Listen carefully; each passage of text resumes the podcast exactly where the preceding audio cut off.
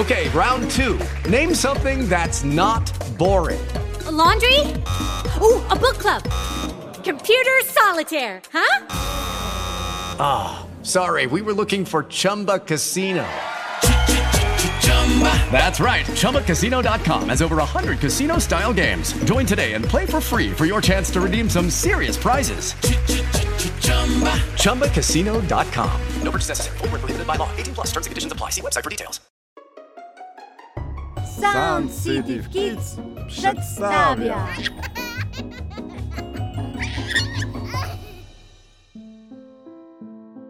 Коти горошко. Був собі один чоловік і мав шестеро синів та одну дочку. Пішли сини в поле орати і наказали, щоб сестра винесла їм обід. Вона й каже: А де ж ви будете орати? Я не знаю. Вони кажуть: Ми будемо тягти скибу від дому аж до тієї ниви, де будемо орати. То ти за тією борозною і йди. Поїхали. А Змій, що живе за тим полем у лісі, взяв ту скибу закотив, а свою протяг до своїх палаців. От сестра, як понесла братам обідати, то пішла за тією скибою і доти йшла, аж поки зайшла до Змієвого двора. Там її Змій і вхопив.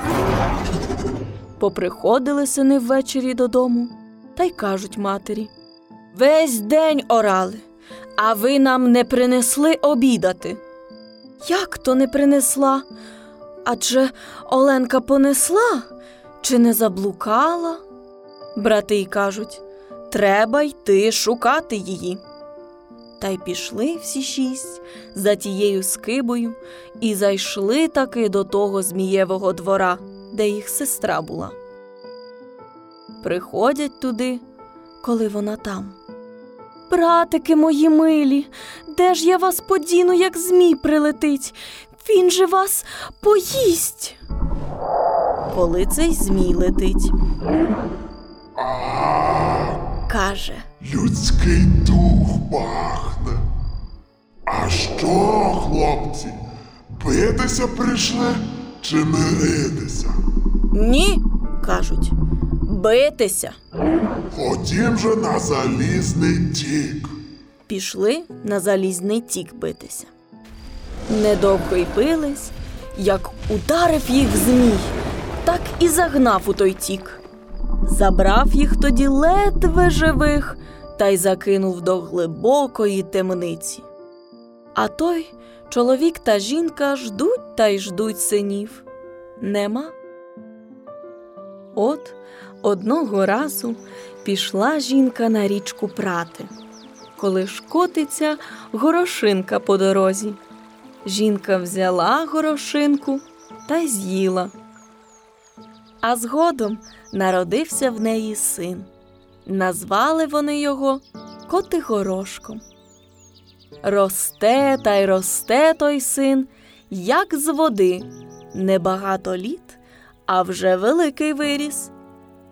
Одного разу батько з сином копали колодязь, докопались до великого каменя. Батько побіг кликати людей, щоб допомогли камінь викинути. Поки батько ходив, а Котигорошко узяв та й викинув. Приходять люди, як глянули, аж поторопіли. Злякались, що в нього така сила, та й хотіли його вбити. А він підкинув того каменя та й підхопив. Люди й повтікали. От копають далі та й докопалися до великого шматка заліза. Витяг його Котигорошко та й сховав. От і питається раз Котигорошко в батька, в матері. Десь повинні бути в мене брати й сестра. Е, кажуть, синку, була в тебе і сестра, і шестеро братів, та таке й таке їм трапилось. Ну, каже він. Піду їх шукати. Батько і мати умовляють його Не йди, сину, шестеро пішло та загинуло, а то ти один, щоб не загинув. Ні, таки піду. Як же таки свою кров та не визволити? Узяв те залізо, що викопав, та й поніс до коваля. Скуй, каже, мені булаву та велику. Як почав коваль кувати, то скував таку булаву, що на силу з кузні винесли. Узяв Котигорошко ту булаву, кинув угору та й каже до батька: Ляжу я спати, а ви мене збудіть, як летітиме булава через дванадцять діб. Та й ліг. На тринадцяту добу летить та булава. Збудив його батько, він схопився, підставив пальця, булава як ударилась об нього, так і розкочилась надвоє. Він і каже: Ні, з цією булавою не можна йти шукати братів та сестру. Треба скувати другу. Поніс її знову до коваля. На, каже, перекуй, щоб була по мені. Викував коваль ще більшу. Котигорошко й ту шпурнув угору та й ліг спати на дванадцять діб. На тринадцяту добу летить та булава назад. Реве, аж земля дрижить. Збудили Котигорошка, він схопився, підставив пальця. Булава, як ударилась об нього, тільки трошки зігнулась. Ну, з цією булавою можна шукати братів та сестру. Печіть, маму, буханці та сушіть сухарці. Піду. Узяв ту булаву, в торбу буханців та сухарців, попрощався і пішов. Пішов за тією скибою та й зайшов у ліс. Іде тим лісом, іде та й іде, коли приходить до великого двора. Увіходить в двір, тоді в будинок, а змія нема. Сама сестра Оленка вдома. Здорова була, дівчино, каже Котигорошко. Здоров був парубок. Та чого ти сюди зайшов? Прилетить змій, то він тебе з'їсть. Отже, може, й не з'їсть. А ти ж хто така? Я була одна дочка в батька й матері, та мене змій украв, а шестеро братів пішли визволяти та й загинули. Де ж вони? питається Котигорошко. Закинув змій до темниці, та й не знаю, чи ще живі, чи, може, на попілець потрухли. Отже, може, я тебе визволю, каже Котигорошко. Де тобі визволити? Шестеро не визволило, а то б ти сам, каже Оленка. Дарма, відказує Котигорошко. Та й сів на вікні, дожидається, коли це летить змій. Прилетів, та тільки в хату зараз каже. Людський дух пахне. Де б то не пах, відказує Котигорошко, коли я прийшов. Агов, хлопче, а чого тобі тут треба? Битися чи миритися? Де то вже миритися? Битися, каже Котигорошко. Ходім же на залізний тік. Ходім. Прийшли Змій і каже: Бий ти. Ні, каже Котигорошко. Бий ти спочатку. От Змій як ударив його, так по кісточки і ввігнав у залізний тік, вирвав ноги Котигорошко, як махнув булавою, як ударив Змія, ввігнав його в залізний тік по коліна. Вирвався змій, ударив Котигорошка і того по коліна ввігнав. Ударив Котигорошко вдруге, по пояс змія загнав утік, ударив утретє, зовсім убив. Пішов тоді в льохи темниці, глибокі, відімкнув своїх братів, а вони тільки-тільки що живі.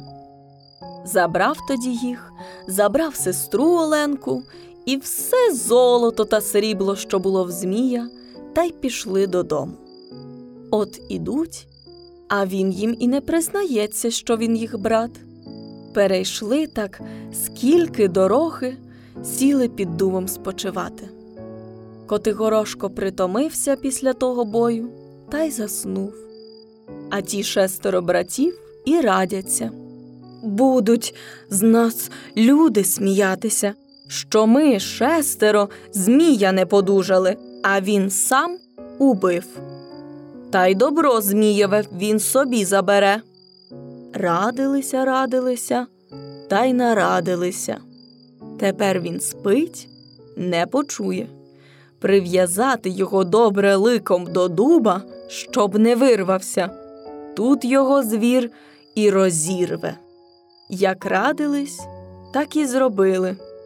Прив'язали та й пішли собі. А Котигорошко спить і не чує того. Спав день, спав ніч, прокидається, прив'язаний. Він як рвонувся, так того дуба й вивернув з корінням. От узяв тоді того дуба на плечі та й пішов додому. Підходить до хати, аж чує, брати вже прийшли та й розпитуються в матері. А що, мамо? Чи в вас іще були діти? Та як же? Син Котигорошко був, та вас пішов визволяти. Вони тоді. Оце ж ми його прив'язали. Треба бігти та одв'язати. А Котигорошко як пошпурить тим дубом у хату. За малим хати не розвалив. Оставайтесь же, коли ви такі, каже. Піду я в світ. Та й пішов знову, на плечі булаву взявши. With Lucky Land slots, you can get lucky just about anywhere. Dearly beloved, we are gathered here today to. Has anyone seen the bride and groom? Sorry, sorry, we're here. We were getting lucky in the limo and we lost track of time. No, Lucky Land Casino, with cash prizes that add up quicker than a guest registry. In that case, I pronounce you lucky. Play for free at LuckyLandSlots.com. Daily bonuses are waiting. No purchase necessary. Void where prohibited by law. 18 plus. Terms and conditions apply. See website for details. Іде собі та й іде, коли дивиться, відтіль гора і відсіль гора, а між ними чоловік руками й ногами в ті гори вперся та й розпихає їх. Каже Котигорошко, Боже, поможи, дай Боже здоров'я. А що ти, чоловіче, робиш? Гори розпихаю, щоб шлях був. А куди йдеш? питає Котигорошко. Щастя шукати. Ну, то й я туди. А як ти звешся? Вернигора. А ти? Котигорошко. Ходім разом. Ходім. Пішли вони, ідуть, коли бачать, чоловік серед лісу, як махне рукою, так дуби й вивертає з корінням. Боже, поможи. Дай Боже здоров'я. А що ти, чоловіче, робиш? Дерева вивертаю, щоб і ти було просторіше. А куди йдеш? Щастя шукати. Ну, то й ми туди. А як звешся? Вернидуб. А ви? Котигорошко та Вернигора.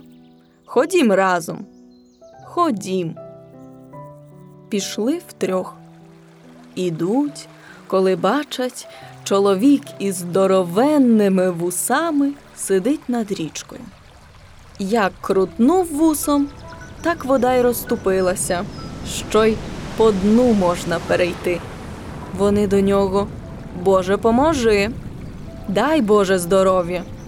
А що ти, чоловіче, робиш? Та воду відвертаю, щоб річку перейти. А куди йдеш? Щастя шукати.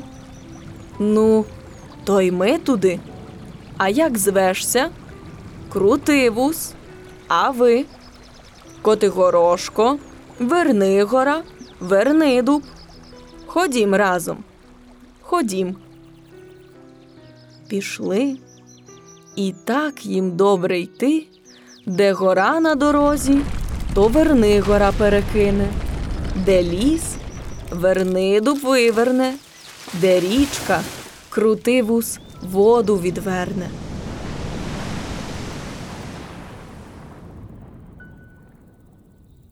От зайшли вони в такий великий ліс, коли бачать, в лісі стоїть хатка.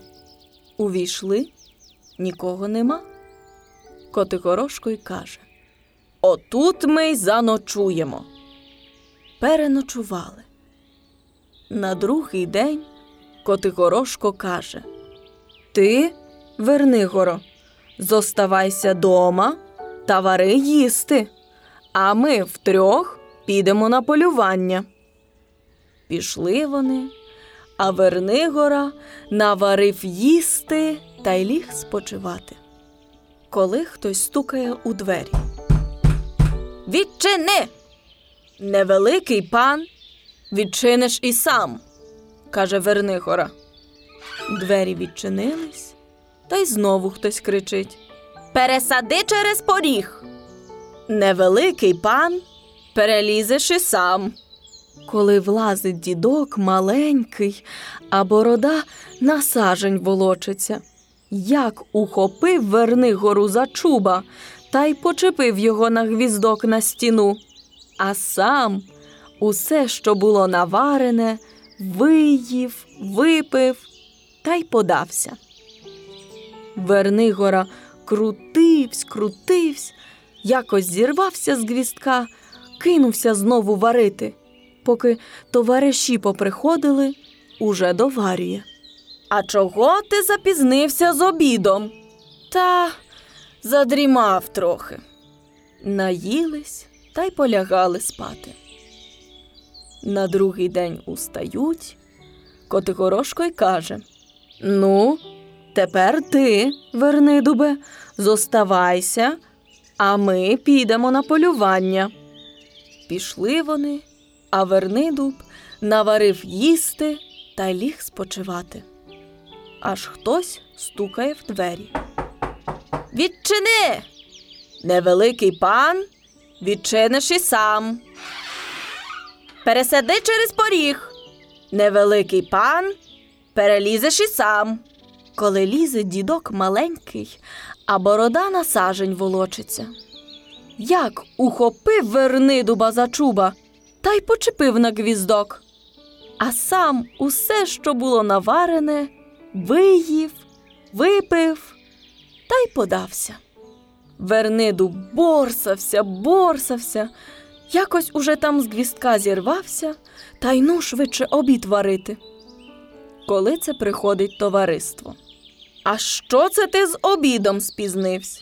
Та задрімав, каже, трохи. А Вернигора вже й мовчить. Догадався, що воно було. На третій день зостався крутивус, і з ним те саме. А Котигорошко й каже Ну, та й ліниві ви обід варити. Уже ж завтра ви йдіть на полювання а я зостанусь вдома. На другий день ті троє йдуть на полювання, а Котигорошко вдома зостається. От наварив він їсти та й ліг спочивати. Аж грюкає хтось у двері. Відчини! Відчинив двері, аж там дідок маленький. а борода на сажень волочиться. Пересади через поріг. Узяв Котигорошко, пересадив. Коли той пнеться до нього, пнеться. А чого тобі? питає Котигорошко. А ось побачиш чого, каже дідок. Доп'явся до чуба та тільки хотів ухопити, а Котигорошко, то ти такий? Та собі хап за бороду, вхопив сокиру, потяг його в ліс, розколов дуба, заклав у розколену дідову бороду і защепив її там. Коли ти, каже, такий дідусю, що зараз до чуба берешся, то посидь собі тут, я знову сюди прийду. Приходить він у хату, вже й товариство поприходило. А що обід? Давно впрів. Пообідали, а тоді Котигорошко й каже: А ходіть лише, я вам таке диво покажу, що ну. Приходять до того дуба, коли ні дідка, ні дуба нема. Вивернув дідок дуба з коренем та й потяг за собою. Тоді Котигорошко розказав товаришам, що йому було, а ті вже й про своє призналися, як їх дідок за чуба чіпляв. Е, каже Котигорошко, коли він такий, то ходім його шукати. А де дідок того дуба тяг? Там так і знати, що волочено. Вони тим слідом і йдуть. І так дійшли аж до глибокої ями, що й дна не видно. Котигорошко й каже Лізь туди, верни горо. А цур йому. Ну ти, верни дубе. Не схотів і верни дуб, не схотів і крутивус. Коли ж так, каже Котигорошко, полізу я сам. Давайте плести шнури. Наплели вони шнурів, намотав Котигорошко на руку кінець та й каже Спускайте. Почали вони спускати. Довго спускали, таки сягнули дна, аж на інший світ. Став там Котигорошко ходити, аж дивиться, стоїть палац великий. Він увійшов у той палац, коли так усе й сяє золотом та дорогим камінням. Іде він покоями, аж вибігає йому назустріч королівна. Така гарна, така гарна, що й у світі кращої нема. Ой, каже, чоловіче добрий, чого ти сюди зайшов? Та я, говорить Котигорошко, шукаю діда маленького, що борода на сажень волочиться. Ех, каже вона, дідок бороду з дубка визволяє. Не йди до нього, він тебе вб'є, бо вже багато людей повбивав. Не вб'є, каже Котигорошко. Тож я йому й бороду защепив. А ти з чого тут живеш? А я, каже, королівна. Та мене цей дідок украв і в неволі держить. Ну, то я тебе визволю. Веди мене до нього. Вона й повела, коли справді сидить дідок і вже бороду визволив з дубка.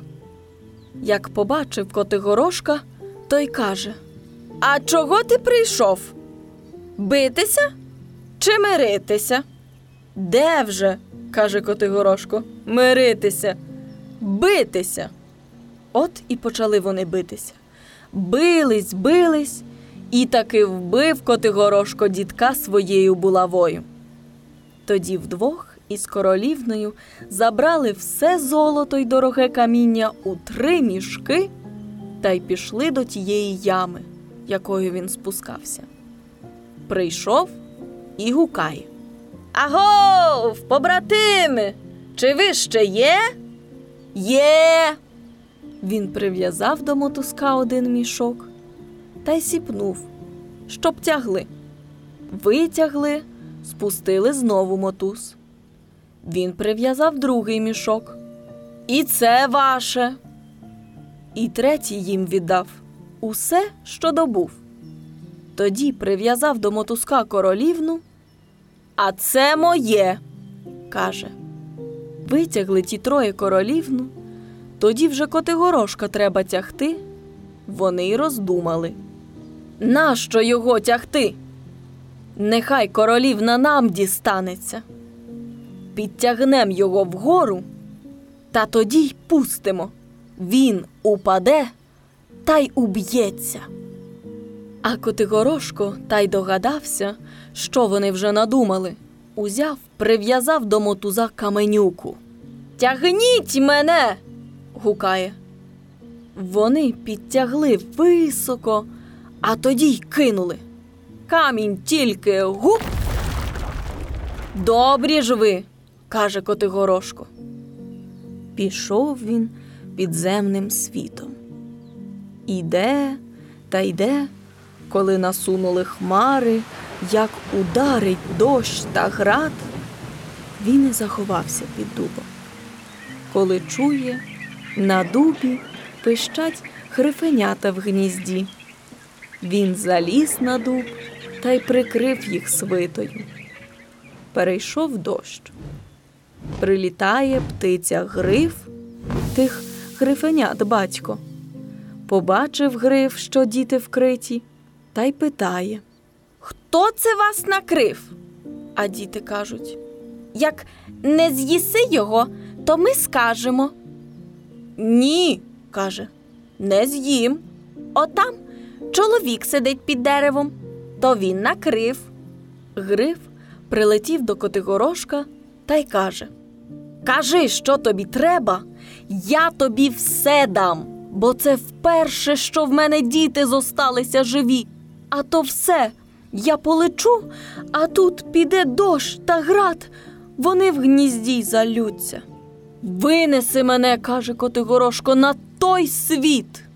Ну, добру ти мені загадку загадав. Та дарма, треба летіти. Візьмемо з собою шість кадовбів м'яса та шість кадовбів води, то я як летітиму та поверну до тебе голову направо, то ти мені вкинеш в рот шматок м'яса. А як поверну наліво, то даси трохи води, а то не долечу і упаду. Взяли вони шість кадовбів м'яса та шість кадовбів води, сів Котигорошко на грифа, полетіли. Летять та й летять, як поверне гриф голову направо, то Котигорошко йому вкине в рот шмат м'яса, а як наліво дасть йому трохи води. Довго так летіли, от-от уже долітають до цього світу. Коли гриф повертає голову направо, а в кадовбах і шматочка м'яса нема. Тоді Котигорошко відрізав у себе литку та й кинув грифові в рот. Вилетіли.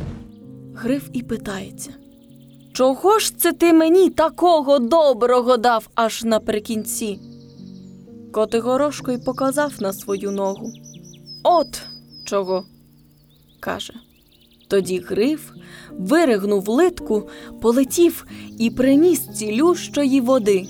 Як притулили литку та покропили тією водою, вона й приросла. Гриф тоді повернувся додому, а Котигорошко пішов шукати своїх товаришів.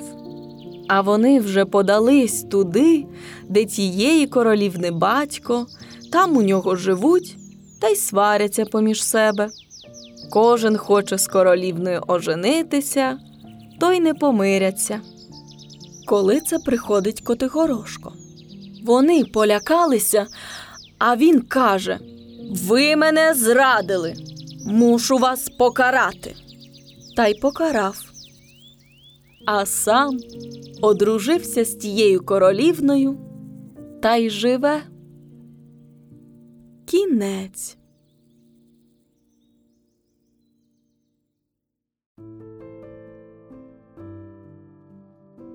Це була казка Котигорошко. Диктор української мови Катерина Перестяк. Диктор польської мови Мałgorzata Козак. Режисерія і виробництво Maciej Штомберек. Звукооператор Хуберт Тимінський. Дистрибуція і монтаж відео Філіп Кошлага. Координація та контроль Медіасервіс Міхał Гжелак. Переклад Катерина Перестяк. Автор обкладинки Катажина Амброзяк. Виготовлено Асоціацією Sound City Studio. Проект Україна казок. Українські народні казки в аудіоверсії. Зреалізовано завдяки фінансовій підтримці з бюджету місцевої влади Лоцького воєводства в рамках обласного проекту Сили надлоцькі.